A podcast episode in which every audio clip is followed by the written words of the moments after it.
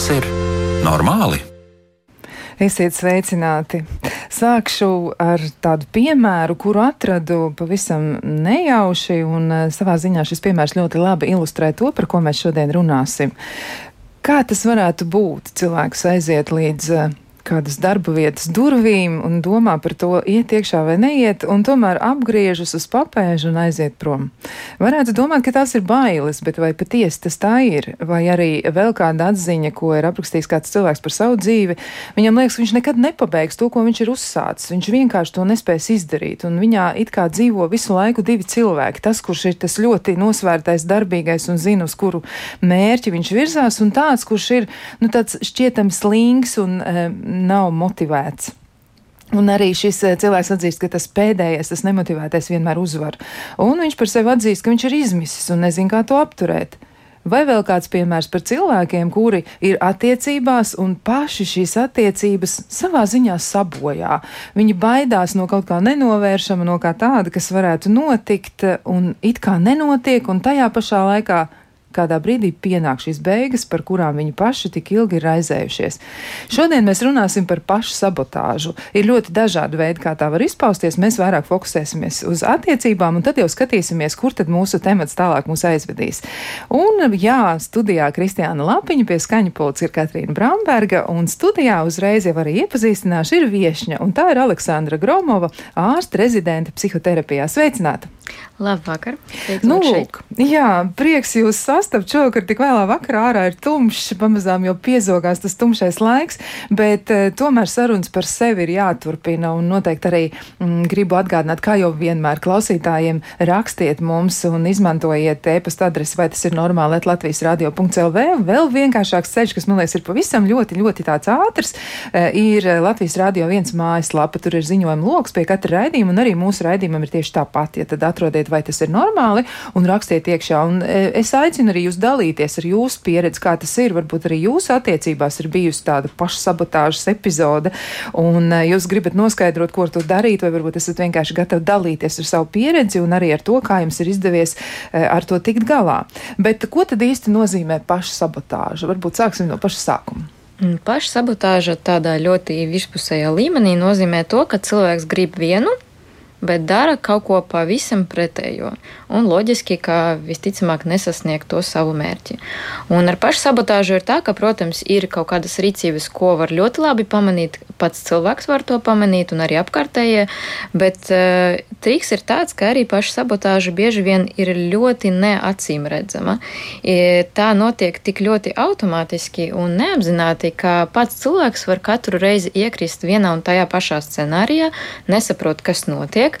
Kaut gan patiesībā m, mm, pati atbildība varētu būt tieši viņa. Un problēma bet man vairāk patīk vārds nianse, nevis problēma varētu būt tieši viņa iekšā. Tā, tā, tā nianse, ja reiz mēs paliekam pie šī vārda, ja, varētu būt saistīta ar to cilvēku pašu, ar to, kāds viņš ir. Nu, kas ir tas uh, iespējamais uh, nu, cilvēka scenārijs? Nu, vien mēs nevaram izveidot tādu tipisko scenāriju, bet nu, tomēr, kas tad būs uh, iekļauts tajā visā? Ja, jo tur noteikti būs kaut kādi elementi, kas varētu atkārtoties, bet nu, mēs, mēs varam tiem pievērst vairāk uzmanības. Nu, tad, tad, ja mēs sadalām šodienas tematu uz divām lieliem tematiem - attiecības un, piemēram, karjera, tad karjerā tas var izpausties tā, ka cilvēks, piemēram, zina, ka viņam rīt ir kaut kāda svarīga tikšanās, vai tūlīt jau būs kaut kāds liels projekts darbā, bet viņš izdomā, ka viņš šovakar balēsies līdz rītam nu, kaut kā tā sakrita. Piemēram, atrodas kaut kāds draugs, kurš aicina, un tad nu, nu, tā sakrita. Un tad nākamajā rītā, protams, tur nav ne spēka, nekā, un tas kaut kāds projekts vai tikšanās nenotiek tā, kā vēlotos. Par attiecībām man ļoti iekritās atmiņā vienas pacientes stāsts, tātad par attiecībām runājot. Viņai bija problēmas ar strīdu risināšanu ar vīru. Nu, tad, viņi sāka par kaut ko konfliktēt, kas ir pilnīgi normāli, un tad tie konflikti ne ar ko īsti nebeidzās. Beidzās tikai ar kaut kādu ignorēšanu un asarām. Un tad mēs sākam terapijā pētīt, kas īsti tur notiek tajā konfliktā, kas sākās, ko jūs sākat vienam, viens otram. Un mēs nonācām līdz brīdim, ka viņa jūtot, ka jau konflikts ir visaugstākajā punktā, viņa saka, nu tad ej prom. Nu tad ej prom, liek man mierā, un tad viņa dzēn viņu vai nu ārā, vai nu uz blakus istabu. Nu, un tad viņu partneris, domādams labu, tiešām iet prom. Bet uh, rākot dziļāk, izrādās, ka īstenībā tieši tajā brīdī, kad viņa saka, ej prom, viņa vēlās pilnīgi pretējo. Viņa vēlās, lai viņš paliek, viņa vēlās, lai viņš apskauž. Tas nenozīmē, ka viņa vēlās, lai viņš piekāpjas. Viņa vēlās vienkārši kaut kādu pauzi, minūti emocionālās tuvības, minūti atgādināt, ka mēs esam kopā pret problēmu, nevis mēs esam viens pret otru. Bet viņa tajā brīdī saka, iet, ej prom. Tā kā pilnīgi pretēji to, ko viņa grib. Un tad rākot vēl dziļāk, un kas īstenībā varētu būt arī viens no tematiem šodien, ir tā, tas, kāpēc mēs to darām pre, pilnīgi pretēji. Tāpēc, ka tai sievietei bija dziļa pārliecība, ka nu, tūlīt, tūlīt tas partneris viņu atstās nu, pilnīgi noteikti atstās un atraidīs. Un pateikt, vai arī izrādīt to, ka man tevi vajag tagad, es gribu tuvību, neatstāj mani, ir pilnīgi neiespējami, jo tu esi pārliecināts, tava kaut kādā zemapziņa ir pārliecināta, ka nu tūlīt mani atraidīs. Un lai būtu tā kā pirms es būšu pirmais, kurš atraidīs. Viņa saka, ej prom. Un tas ir, tas ir diezgan maza nianse, jo, nu, liekas, nu, ko tur viena frāze main, var mainīt. Bet uh, tā ir tā frāze, tas ir tas process, kurš varbūt aizņem sekundes. Tas liek cilvēkiem palikt tajos konfliktos gadiem ilgi, nerisinot to un nedabūnot to, ko viņi tiešām no sirds vēlās. Jo, ja mēs tā paskatāmies ļoti, ļoti dziļi, katrs cilvēks patiesībā grib tikai un vienīgi laimi, mīlestību un tuvību. Jā, nu tā ir. Mēs tiešām to varētu vēlēties, bet, nu, redz, kā ir cilvēki rīkojas pilnīgi pretēji tam. Kas eh, varētu notikt, nu, tas sliktākais scenārijs, ja mēs domājam par pašu sabotāžu vispār? Kādas varētu būt tās tālākās sekas? Un tas varētu būt attiecināms gan uz attiecībām, ja gan arī, nu, piemēram, uz karjeras jautājumiem. Šķiet, ka tie arī ir tie divi apakštemati, kas arī klausītājs varētu ļoti ieinteresēt. Kas varētu notikt? Nu, pats pats sliktākais. Kur tas aizved? Mm, nu man uzreiz nāk prātā kaut kāda tiešām slikti scenāriji, kur ir kaut kāda vielu lietošana, kur ir uh, iesaistīšanās ļoti riskantās attiecībās. Uh, prostitūcija, alkohola lietošana. Nu, nu, nu, tās man uzreiz nāk prātā, jo kas arī var būt viens no pašsabotāžas paveidiem, ir paškaitējums. Un par paškaitējumu runājot, te ir ne tikai uh, paškaitējums, piemēram, sevi griežot, uh, bet arī lietojot pārmērīgi alkoholu, uh, sākt attiecības ar ļoti, ļoti riskantiem cilvēkiem, iesaistīties kaut, kādos, kaut kādās schēmās. Tas arī var būt daļa no pašsabotāžas, kā paškaitējuma forma. Un tas, manuprāt, ir tā lieta, kur jau vajag eh, ļoti, ļoti stipri aizdomāties par to, kas tiešām notiek iekšā, kā es, es eju to, uz to ceļu. Jā, bet kas tad notiek iekšā? Es, eh, es varbūt negribēju sākt ar tādu drūmu um, lietu. Bet tie cilvēki, kuri nodarbojas ar, ar pašu sabotāžu, tie, diemžēl, ir cilvēki, kuri dziļi ir simtprocentīgi pārliecināti, ka viņus atraidīs. Simtprocentīgi pārliecināti, ka viņus pametīs, ka viņi nav pietiekami labi, kaut vai viņi būs visveiksmīgākie, visskaistākie, vis, vislabākie. Viņi ir jā, dziļi pārliecināti par to, ka nekad, nekad nebūs labi, nekad mani nepieņems. Un, um, Viņi tikai vienīgi gaida to brīdi, gaida to dienu, nu tad, kad man jau atraidīs. Un lai varbūt um, uh, sev iedot tādu kontroles ilūziju, tad ar to pašu sabotāžu var to atraidījuma dienu kā, padarīt tuvāku, lai vismaz nebūtu tik bail. Jā, nu veidojas tāda paradoxāla situācija. It kā cilvēks no vienas puses gribētu tas attiecības, no otras puses viņš dara daudzas lietas, kas attiecības noved līdz kraham. Nu, ja reiz mēs par to runājam. Un tad, eh, kas ir tās eh, biežākās lietas, par ko cilvēki runā, kas eh, vēl ir zem šī te atraidījuma, jeb tā, ko viņi varbūt ir kādreiz arī pieredzējuši, un varbūt arī par to mēs varam nedaudz parunāt, vai tā ir, nu, pieredze, kas ir ietekmējuši šo cilvēku, vai varētu tā būt, ka tas ir kaut kas, kas ir radies iepriekš, kas ir piedzīvots iepriekš. No kurienes tas nāk, šī neticība? Ticība tam, ka man sanāks, ka man izdosies?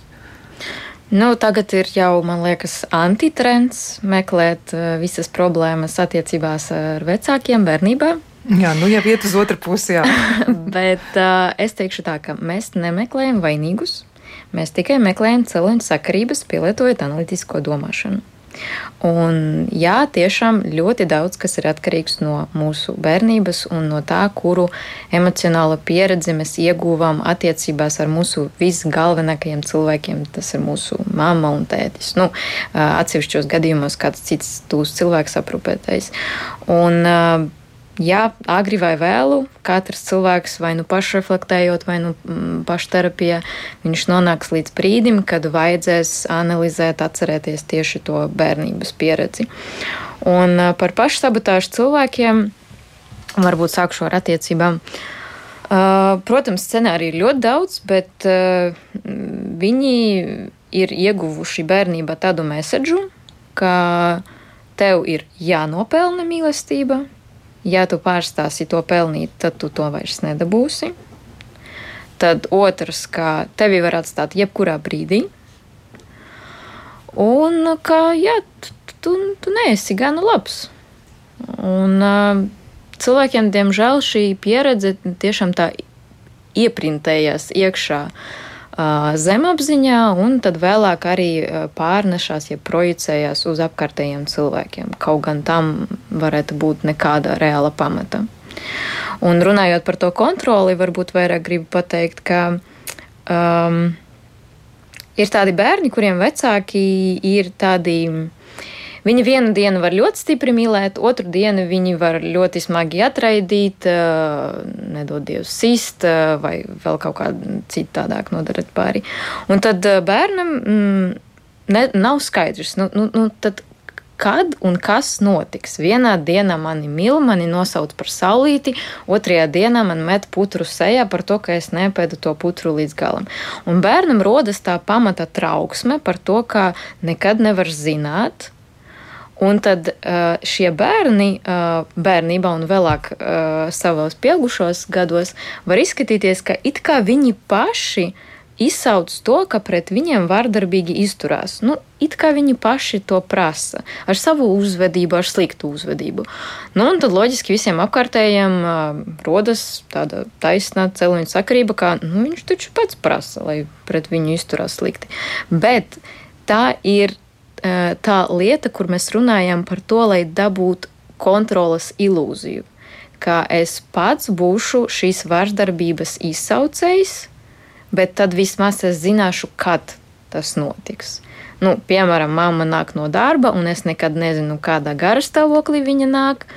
Un tad, lai varbūt dabūtu tajā pirmajā stundā, es speciāli uzvedīšos slikti, pašsabotēšu, uh, lai dabūtu, piemēram, nezinu, kliekšanu vai, vai sitienu, bet tad es zināšu, ka pēc tam nu, tur pārējais vakars būs mierīgs. Nu, tas ir, jā, man, man pašai īstenībā diezgan sāpīgi runāt par šo tēmu, jo um, bieži vien cilvēki nāk uz terapiju un viņi saka, nu, man tur bērnībā viss bija ok, man īsti nav par, par ko sūdzēties, bet pēc tam rākot dziļāk, pētot, tad, tad atklājās, ka šī te vecāku nestabilitāte nes ļoti, ļoti dziļas, dziļas sāpes cilvēkam. Jā. Nu, tas varētu būt arī par pašiem vecākiem, droši vien arī viņu pieredze pirms tam ir bijusi tāda, kas ir noteikusi to, ka viņi nespēja, nespēja izturēties vienā veidā, vai arī nespēja, nu, adekvatizēt savu uzvedību. Varbūt tā mēs varam to aprakstīt.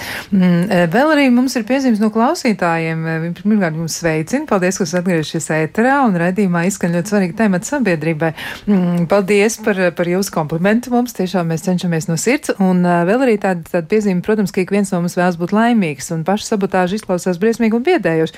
Cilvēks iznīcina pats sevi un citus, un vai vispār to var pārvarēt un vērst par labumu?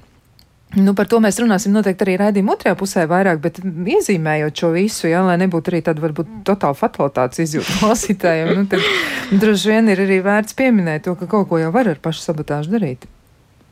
Tas, protams, ir atkarīgs no paša cilvēka paša refleksijas spējām, to, kā viņš prot vispār varbūt aizdomāties par to, kā nianses un kaut kāda atbildības daļa var būt gan pārējos, gan arī viņa iekšā. Tas, tas ir pirmais. Un otrs, kā, mm, cik ļoti cilvēks var tiešām būt kontaktā ar sevi kaut kādā noteiktā brīdī, nu, piemēram, tajā pašā strīdā. Tad, kad sākot ej prom, ok, labi, varbūt izkrita man nejauši, bet es tajā brīdī varbūt vismaz sākumā varēšu būt kontaktā, kā hmm, patiesībā es gribēju, lai viņš paliktu pie manis. Un tad trešais tāds solis, nu, tas nav nekāds algoritms, vienkārši, jā, lai tā precīzāk, struktūrētāk būtu. Mm, tiešām pamēģināt uh, teikt cilvēkiem, tuviem cilvēkiem par savām reālām vajadzībām, reālām vēlmēm šeit un tagad, ka šeit un tagad uh, es jūtos vientuļš, es jūtos, ka tūlīt tu mani atraidīsi, un es to tik ļoti negribu. Es gribu, lai tu, man, tu ar mani paliktu kopā. Bet uh, cilvēkiem, kuri ir pieraduši un pieredzējuši kādreiz tādu nu, tiešām fatalitāti, kā jūs teicāt, viņiem ir grūti to izdarīt. Nu, viņi, viņiem grūti ir savas aizsardzības uh, kaut kur noņemt, un uh, lai viņi paliek maliņā un tiešām atklāties un būt um, tie, kurus, kuri būs, jā, kuri būs vulnerable Ievainojami, jā, atklāt to ievainojamību, jā. Tas, tas varētu būt ļoti grūti, jo, ja mēs atceramies to, ar ko tas varētu sākties, nu, kaut vai, piemēram, tas, ka viņš nav pārliecināts par to, kā pret viņu izturēsies vecāks šis bērns, un viņš auga ar apziņu, ka viņam ir jānopelna mīlestība. Mm, tas varētu būt ļoti, ļoti sarežģīti. E, kādas ir atšķirības, kuras mēs varētu varbūt ļaut arī klausītājiem pašiem mēģināt pētīt iekšēji, piemēram, upura uzvedība, kas ir tāda, nu, atpazīstama reizēm, bet dažreiz arī nē, un, piemēram, paša sabotāža. Tur ir ļoti daudz paralēls.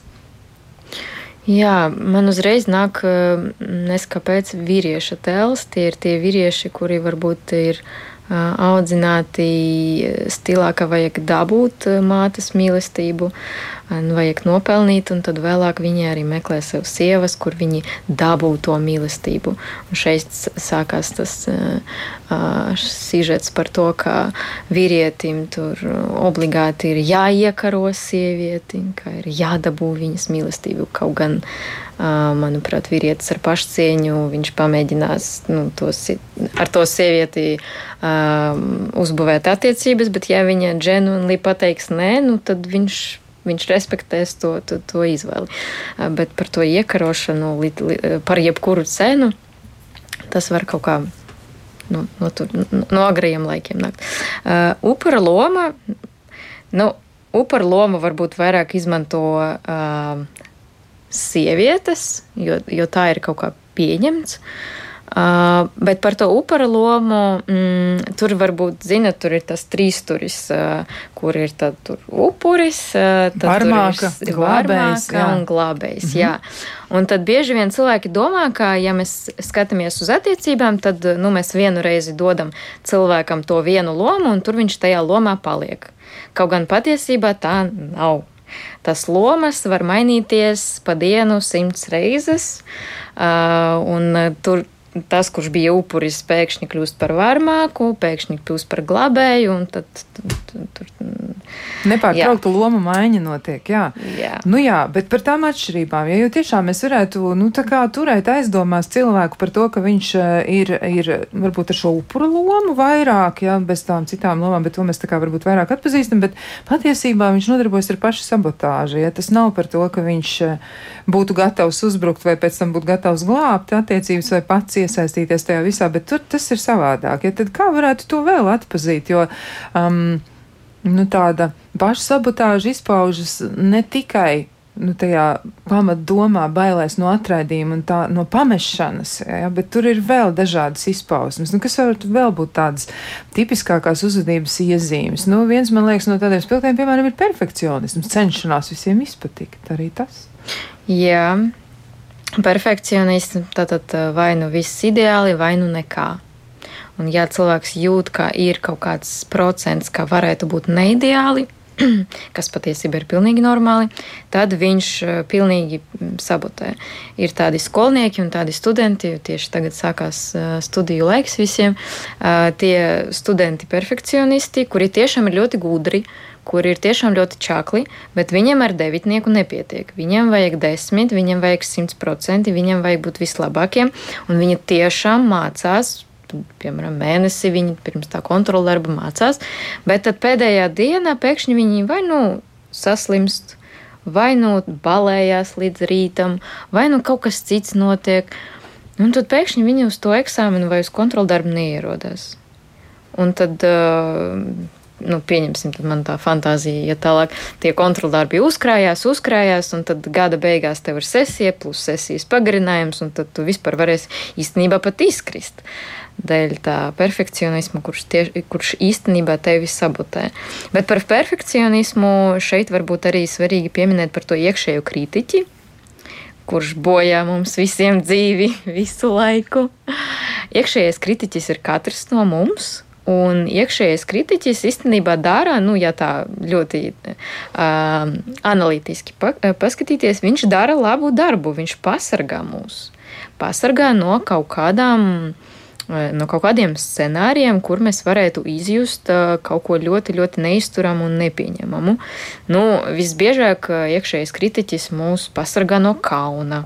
No kauna izjūtas, tad, tad viņš pasargā no visām situācijām, kur mēs varētu potenciāli izjust kaunu. Kaut gan tā ir ļoti normāla emocija, un visi to izjūt ik pa laiku, un kauns tikai vienīgi nozīmē, ka tas ir signāls par to, ka mēs šobrīd varam potenciāli pazaudēt autoritātes sabied... kaut kādā maziņā sabiedrībā.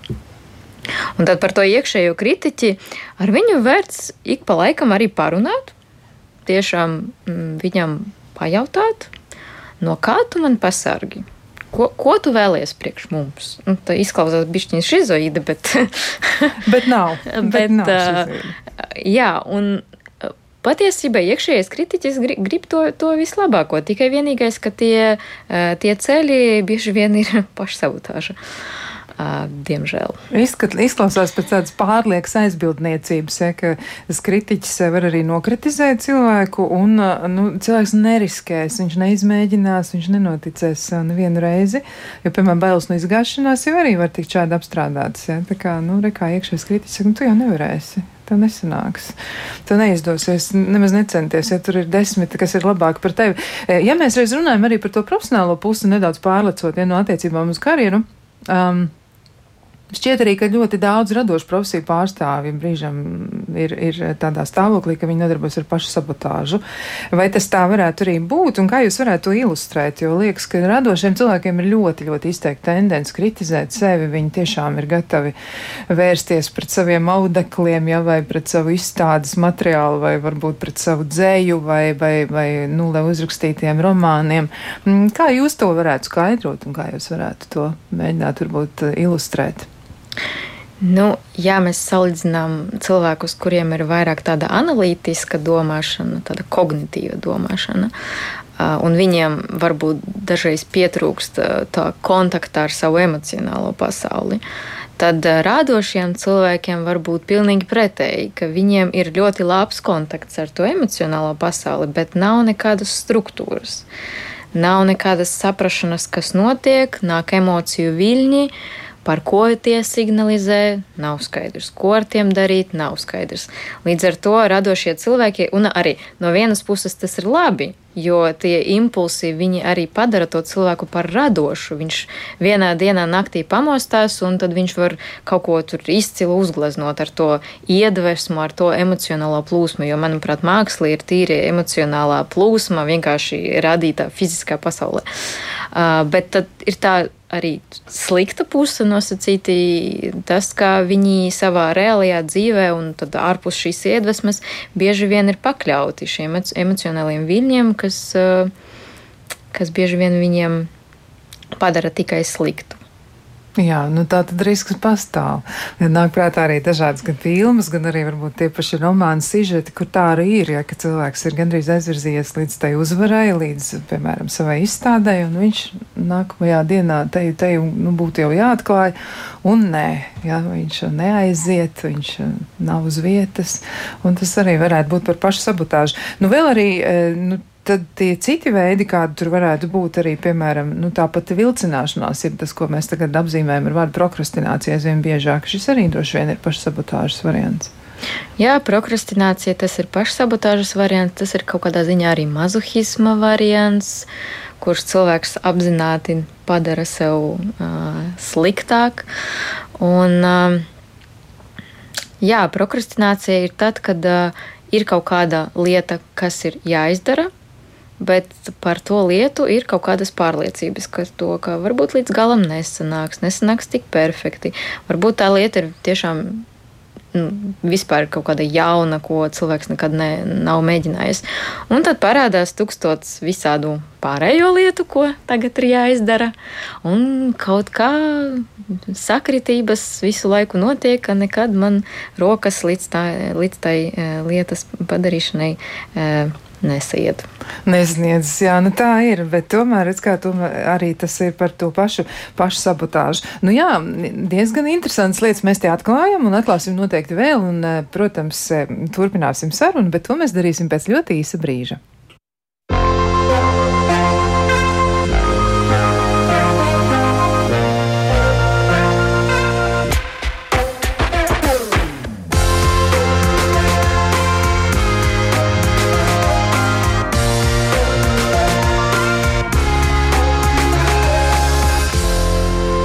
Tas ir normāli? Mēs turpinām sarunu par pašu sabotāžu, jeb par tā saucamo pašu destrukciju, kas eh, tiešām varētu novest līdz tādām ļoti nelāgām sekām, un mēģinām izpētīt tos zemūdens akmeņus, uz kuriem paši arī reizēm tajā dzīves upē vai nu uzkāpjam vai atcitamies pret tiem, un tas gadās, nu, tiešām diezgan daudziem cilvēkiem, diezgan lielam cilvēku skaitam, nu, nav tā mūsu dzīve tāda absolūti ideāla. Eh, jāmēģina tomēr ar to tik galā, tāpēc arī šodien vairāk par šo tematu, un atgādināšu arī, ka pie mums studijā ir eh, ārsta rezidenta psihoterapijā Aleksandra Groma. Romova, un eh, nu, tad ir arī tas jaukais brīdis klāta, ko man nekādi negribas palaist garām, un šis ir tas mirklis, kad es saku, un nu ir laiks jautājumam studijas viesim.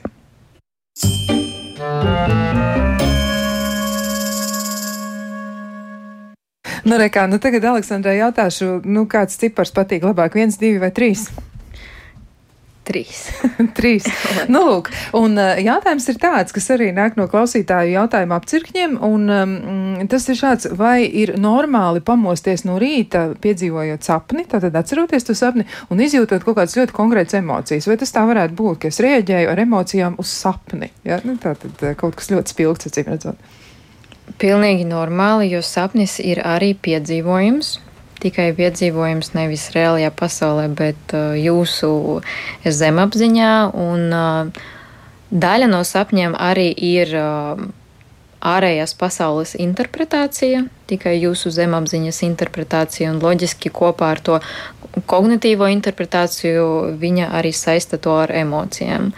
Un, daļa no sapņiem varētu būt eh, kaut kādas atmiņas, kas eh, vienmēr dzīvo mūsu limbiskajā sistēmā, mūsu hipokampā, un eh, atsaucoties atmiņā, jums arī nāk klāt arī jūtas un emocijas. Un, Es šeit varētu varbūt pieminēt arī ļoti svarīgu lietu, kas arī pacientiem bieži vien patīk skatīties uz emocijām. Mm, kā par ļoti noderīgu lietu, kā par signāliem, vienkārši kā par marķieriem, kā emocijas vienkārši pasaka to, kas notiek. Uh, jo, nu, ja tā paskatīties, ja emocijas ir kaut kāds nevajadzīgs, kaut kāds ļoti nepatīkams, tad priekš kam evolūcijas gaitā tie saglabājās? Nu, tad nu, tiem vajadzētu jau eh, kaut kur aiziet eh, un palikt pie mūsu eh, viduslaiku senčiem. Bet tie mums paliek, un vēl jau vairāk kļūst vēl sarežģītākie un kompleksākie. Bet tie patiesībā ir vienkārši signāli, kas mums parāda, kas notiek sabiedrībā, kādā stāvoklī jūs šobrīd esat sabiedrībā un ar sevi iekšā. Tāpēc Jā, mana atbilde būtu pilnīgi normāli. Ir pilnīgi normāli. Nu, tad mēs klausītāji varam nomierināt. Pilnīgi normāli, ja jūs pamostaties un jūs ir pārņēmušas emocijas, kas ir saistītas ar sapni. Ja, tā tad nekā neparasta. Nu, lūk, bet dodoties tā, tālāk tematā, mm, atgādināšu, ka mēs šodien runājam par pašu sabotāžu. E, mēģināsim izpētīt arī tās attiecību nianses. Un arī klausītājus aicinu iesaistīties. Ja vien jums ir kas sakāms par šo, vai arī gribas ko piebilst, vai ir kādi atklājumi par to visu, ja vai ir kādas idejas, varbūt, kas nāk prātā, vai vienkārši ir kāds secinājums jums noteikti paudiet to mums, mēs gaidīsim un, eh, un eh, varat sūtīt arī tātad šīs visas eh, savas atziņas uz e-pasta adresi, vai tas ir normāli, Latvijas radio.lv un varat izmantot arī Latvijas radio viens mājas lapu, kur ir ziņojuma loks pie raidījuma un tur rakstiet tik iekšā un ziņu uzreiz tūliņ pat mūs arī sasniegs. Nu tā arī ir, klausītāji mums jautāja, ko darīt, ja šādas izpausmes parādās partneru attiecībās. Nu, piemēram, attiecības ir varbūt pat bijušas tādas nu, tādas diezgan pilnvērtīgas. Un tagad sāk pamazām izskatīties, ja tur tā paša sabotāža vienam no partneriem sāk parādīties. Varbūt arī ir tādas situācijas, kur tas ir abiem. Abiem cilvēkiem vienlaicīgi, tā kā nu, katrs varbūt. sabotē no, no savas puses, kaut kādu puses roku to bedri, ar kaut kādu savu uh, taktiku. Uh, nu, man varbūt uzreiz nāk prātā uh, vēl viens pašu sabotāžas scenārijs, ko pielieto gan vīrieši, gan sievietes, tā ir kritika pārmērīga, neadekvāta kritika pret savu partneri. Un loģiski arī kaut kādi uh, standarti, nezinu, no kurienes, un diezgan grūti vispār sasniedzami standarti. Uh, un īstenībā mm, grūti līdz tam nonākt, bet tas arī e, savā ziņā ir pašsabotāžas scenārijs, kā man pēc iespējas ātrāk tik vaļā no šīm attiecībām, jo nedod Dievs mani atraidīs.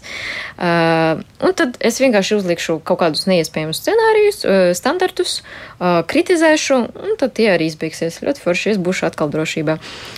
Bet no kurienes varbūt nāk šis scenārijs par tieši konkrēti par kritiku, ir atkal mūsu tā iekšējā pārliecība, ka mēs nekad neesam pietiekami labi Bet, lai ar šo izjūtu, ar šo domu nesastapties, tad mūsu psihē nu, projicē to uz citu cilvēku.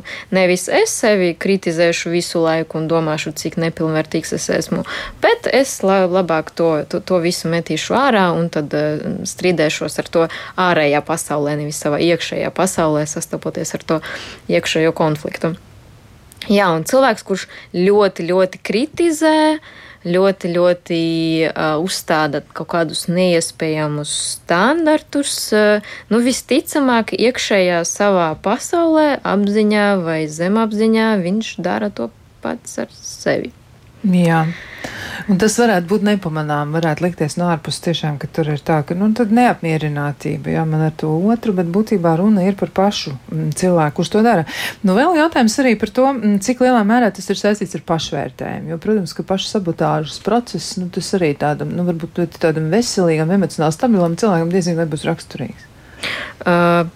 Tiesa gan, pilnīgi piekrītu, ka šeit būs pašvērtējums. Ja mēs vispār runājam par pašvērtējumu, tad pašvērtējums var būt adekvāts un neadekvāts. Un tad neadekvāts sadalās uz pārāk augstu pašvērtējumu un pārāk zemu pašvērtējumu. Un tad, tad tā, problēmas un pašsabotāža var izpausties gan tad, kad ir uh, pārāk augsts pašvērtējums, tie ir cilvēki ar narcistisku personības struktūru, ar ļoti spilgtām narcistiskām iezīmēm vai aizsardzībām, un arī tiem, kuriem ir ar zemu pašvērtējumu. Un varbūt runājot par cilvēkiem ar pazeminātu, neadekvātu pašvērtējumu, tad šeit ir nu, tā intuitīvi vieglāk saprast, kāpēc viņi paši sabotē, Jā, kāpēc tā. viņi kritizē, kāpēc viņi varbūt salīdzina ar citiem visu laiku, gan sevi, gan partneri, kāpēc viņi visu laiku meklē meklē telefonu kaut kādas sarakstes un ir pārliecināti, ka partneris iet pa kreisi. Tad to ir intuitīvi varbūt saprast vieglāk. Bet ar tiem cilvēkiem, kuriem ir tieši pretēji, kuriem ir joprojām neadekvāts pašvērtējums, bet pārāk liels, pārāk augsts, tad, tad es kļūdīties nekad nevaru. Es vienmēr domāju pareizi, Uh, un vispār, ja tu mani mīli, tad kaut kas, kaut kas ar tevi nav kārtībā. Tātad šeit mēs varam iedomāties, cik patiesība ir bailes no tā, lai parādītu sevi reālu. Jo reāli cilvēki nav perfekti. Tas nav iespējams. Perfekti cilvēkiem ir tikai muzejā. Un atklāt savam partnerim to savu neideālumu, tas ir pirma, patiesībā viens no pirmajiem soļiem, lai dabūtu emocionālo tuvību. Bet šiem cilvēkiem ar pārāk augstu pašvērtējumu, viņiem tas vienkārši nav iespējams. Viņam nav iespējams, ka kāds sapratīs, ka, ha, tu vispār arī vari kļūdīties. Tev vispār arī dažreiz nepietiek kompetences, kas ir pilnīgi normāli. Un uh, viņi arī sabotē savas attiecības. Jā, tā tas reizēm notiek. Nu, vēl arī tāds interesants aspekts eh, par sabotāžu runājot, tas varētu būt ne tikai bailes no izgāšanās, kas arī, starp citu, ir vieglāk saprotams, droši vien tāpat kā tāds, nu, pazemināts vai tāds ļoti trausls pašvērtējums, bet mm, bailes no izgāšanās mēs tā saprotam. Jā, nu, tā, tas būtu tā vieglāk skaidrojami un ļoti viegli to ir sasiet kopā ar, ar to, kas notiek, un tad mēs varētu pieņemt, nu, ka varbūt tiešām tās ir tikai bailes, nu, beigās izrādās, ka tā tomēr ir paša sabotāža. Bet, ja mēs skatāmies uz otru pusi, piemēram, bailes no sasniegumiem. Kā mēs to varētu izskaidrot kā pašsabotāžas versiju? Nu, tagad, man liekas, ir ļoti uh, populāri visos Instagramos teikt, ka atļauj sev sasniegt, atļauj sev būt bagātam. Uh, patiesībā skan ļoti loģiski, un es varētu tam piekrist, ka jā, tiešām ir jāatļauj sev sasniegt, un ir jāsaprot, uh, pirmkārt, priekš kam tev tas konkrēts sasniegums ir vajadzīgs, kādu savu vajadzību tu apmierini, vai tas tiešām ir eh, kaut kas adekvāts, vai tas ir par kaut ko eh, tavās iekšējās eh, dažreiz nesaistīts ar, ar, ar ārējo realitāti pārliecībās. Uh, nu, un tad otrs, ko, ko, ko tu, tu, tu, tu tālāk darīsi ar tiem sasniegumiem? Mm kā, kā tu izturēsies pret apkārtējiem, kā iespējams apkārtēji izturēsies pret tevi, jo dažreiz cilvēki baidās no sasniegumiem, ka, nu, vo tagad visi mani apskaudīs. Skaudība ir kaut kāds, mm, kaut kas, kas nozīmē at, atkal atreidījumu, tad es vairs nebūšu tāds populārs un man visi draugi aizies prom. Tāpēc es palikšu bez sasniegumiem. Jā, varbūt palīdz arī tas, ka var nu, nosacīt konvertēt ja to, ko mēs saņemam, nu, kaut vai, piemēram, kaut kāds naudas daudzums, to var pārvērst tajā, ko mēs iegūstam par to, jo tas jau ir kaut kas cits, tās ir grāmatas, atvaļinājums, satikti cilvēki, ceļojumi, ja vēl kaut kas cits, nevienmēr tā būs tikai mašīna apzeltīta, jau kaut kas vēl, tas ļoti, ļoti, nu, kādam cilvēkam varbūt arī tādas lietas ir nepieciešams, un viņam ir savs skaidrums, kāpēc viņam tas ir uh, vajadzīgs. Bet uh, vēl domājot arī par um, pašu sabotāžu, Kā tas ir, piemēram, ar um, emociju regulēšanu, emociju regulēšanas prasmes, kuras ir vājas, arī bieži vien tiek minēts kā iespējamais iemesls? Mm. Nu, pirmais, par ko mēs vispār runājam, psihoterapija, tas ir uh, emociju apziņotība, tātad būt kontaktā ar emociju.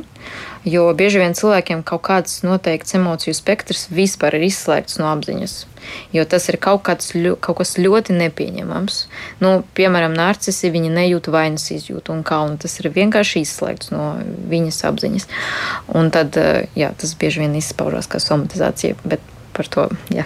Nu, par to mēs parunāsim citu reizi. Jā, somatizācija ir brīnišķīgs psihiskas aizsardzības mehānisms. Ja jā, par to tad, papētīt, pirmkārt ir apzināties visu emociju spektru, jo emocijas ir universālas. Nav tā, ka ja tu jūti vainas izjūtu, tad nu, kaut kas ar tevi nav kārtībā. Mēs visi jūtam ik pa laikam vainas izjūtu. Tikai jautājums, vai tā ir adekvāta vai ne. Un tad otrs ir spēja izturēt tas emocijas sevī. Tātad notiek kaut kāda situācija. Nu, pieņemsim, izgāzos es tagad šajā raidījumā. Es jūtu kaunu, jo kauns signalizē man par to, ka potenciāli es varu zaudēt savu autoritāti klausītāju lokā. Un tas man nāks pa sliktu. That's fine. Un tad, cik ļoti es varēšu izturēt kaunu, tas ir nākamais jau jautājums. Jo patiesībā, jā, es kaut, kāda, kaut kādu brīdi, varbūt šodien vēl naktī, uh, mocīšos ar šo te kaunu, bet nākam, nākamajā dienā jau būs vieglāk un vieglāk un vieglāk, un es arī mācīšos no šīs pieredzes. Un tad tas nozīmē, ka es to kaunu izturēju. Un pasaulē nebeidzās, nebeidzās uz tā. Uh, Un tad, eh, ja es varu būt kontaktā un ja es varu izturēt, tad tā, tas risks un tā varbūtība, ka es sabotēžu kaut kādu nākamo raidījumu, būs mazāka. Bet, ja cilvēkam ir um, ļoti nepamatotas un spilgt, spilgtas bailes neizturēt kaut kādu emociju, uh, tas, jā, tas arī var izpausties kā pašsabotāžu. Jā, nu vēl viens pašsabotāžas aspekts ir arī tā pārliekā domāšana. Latviskais variants mēs pat īsti neesam vēl izdomājuši, kāds varētu būt, bet nu tāda, tāda domāšana, kas ir pārliecīga, nepārtraukt tāda malšana galvā, ja atkal un atkal un atkal cilvēki mm. pārmēģina kaut kāds scenārijs. Nu kā tas varētu izpausties un kā tas varētu traucēt cilvēku un ar ko tas varētu būt vairāk saistīts? Tie iekšējie briesmu scenāriji, tūkstotis un simts, kā tur var komēta nokrist uz zemes, kamēr es braukšu uz svarīgu tikšanos, tas patiesībā arī ir mūsu iekšējā kritiķa brālis. Tas ir mūsu iekšējais scenārija mm, rakstītais. Un patiesībā, ja atkal mēs ar viņu tā šizoīdi parunāsim, tad mēs sapratīsim, ka viņš arī patiesībā mūs pasargā jo viņš izdomā tūkstošu scenāriju, lai katram scenārijam mēs būtu gatavi. Lai katrā scenārijā mēs neizgāstos un viss mums būtu jauki. Um, jā, un um, šie cilvēki, kuriem tas iekšējo scenāriju rakstītājs strādā katru dienu ļoti čakli un jaudīgi, um, tie ir ļoti trauksmaini cilvēki. Tie visticamāk, tas nav, protams, simtprocentīgi, arī ir no tādas bērnību vides, kur vienmēr varēja jebkas notikt, jebkurā brīdī. Un vēl par to tevi vainos un kauninās. Tāpēc ir ļoti, nu, diezgan tāda saprotoša, sapratīga stratēģija, kā nu tagad vajag paredzēt visu iespējamo, lai būtu visam gatavu. Uh, un šiem cilvēkiem raksturīgs tas, ka ja viņi notiek, ja, ja viņi um, attapās kaut kādā tiešām nopietnā situācijā, tad viņi ir pilnīgi mierīgi. Tad viņiem viss notiek, viņi var adekvāti risināt, viņi jūtas labi. Un tas arī ir viens no jautājumiem terapijā. Nu, tad kāpēc? Nu, kāpēc pie kaut kādiem sīkumiem es tik ļoti uztraucos, varu sabotēt, bet tad, kad notiek tiešām kaut kāds traks, tad es mierīgi risinu problēmas. Nu, jo tie cilvēki ir jau gatavi, viņi jau ir uh, izauguši risinot problēmas. Tāpēc viņi jūtas kā savā tādā ierastajā vidē.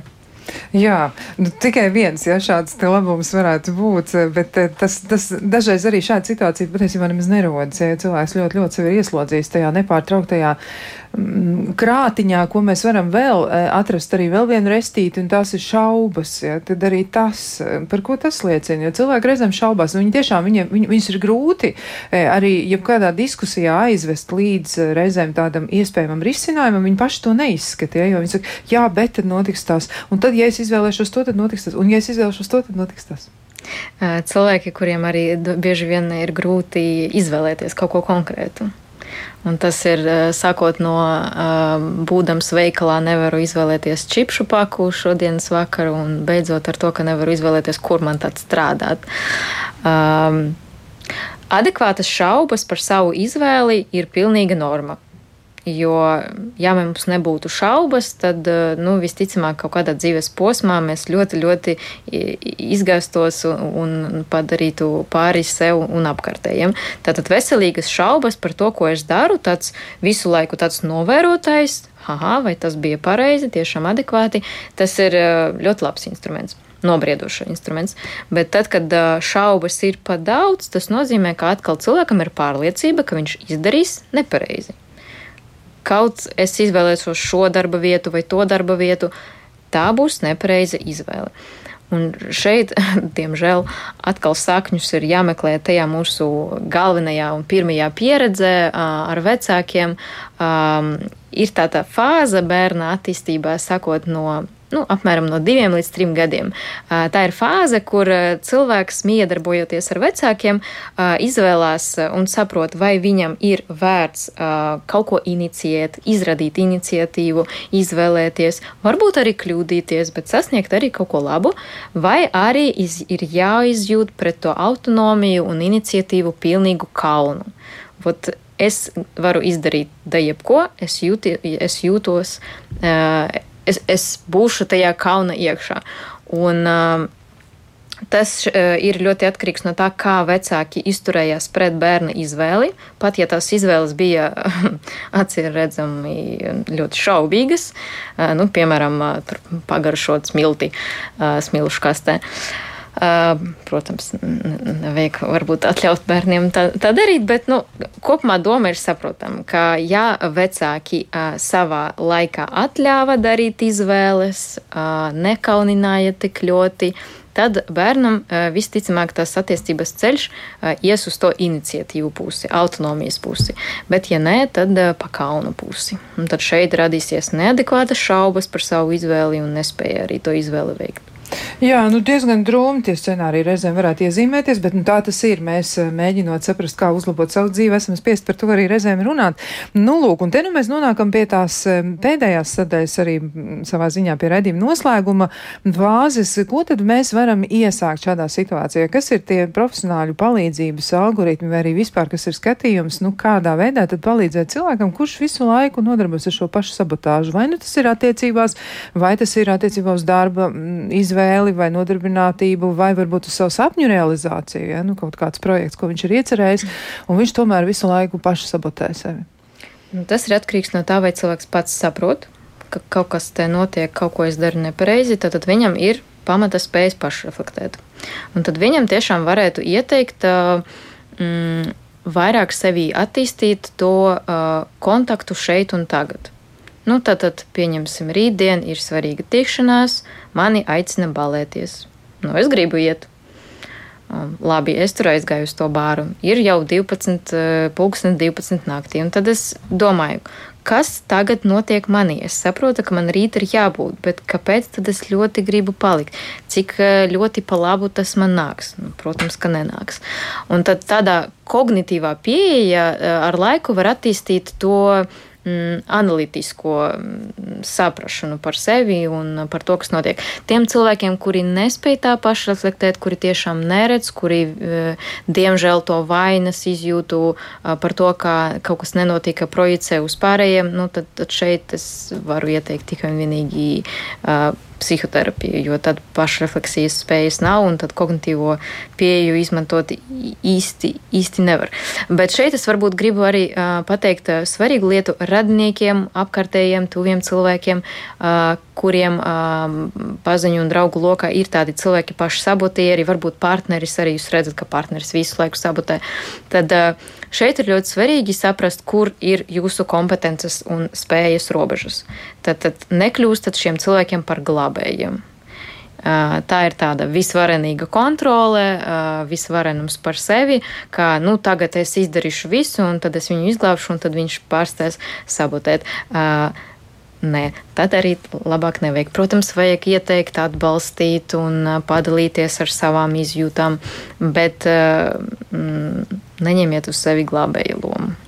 Jā, nu tad, tad tās savas kompetences robežas jāmēģina apzināties. Vienkārši tas varētu arī nebūt, bet nu, tomēr tas ir iespējams.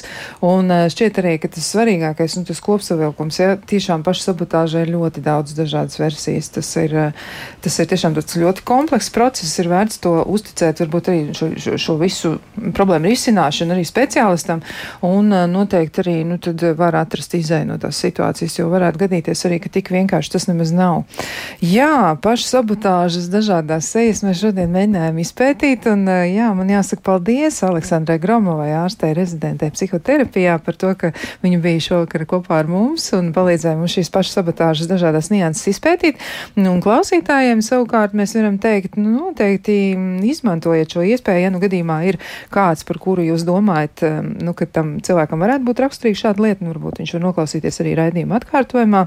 Un, um, Vēl arī noteikti jūs varat izmantot to iespēju un skatīties Latvijas radio arhīvā. Jā, arī tur ir atrodami iepriekš eh, skanējušie raidījumi. Varbūt kāds temats jūs ieinteresē un jūs esat gatavi to izpētīt vairāk un, un iedzināties tajā visā. Un varbūt arī kāda laba doma rodas jā, saistībā ar savu dzīvi, varbūt kaut ko varat pārskatīt. Eh, katrā ziņā tas ir vienmēr iespējams.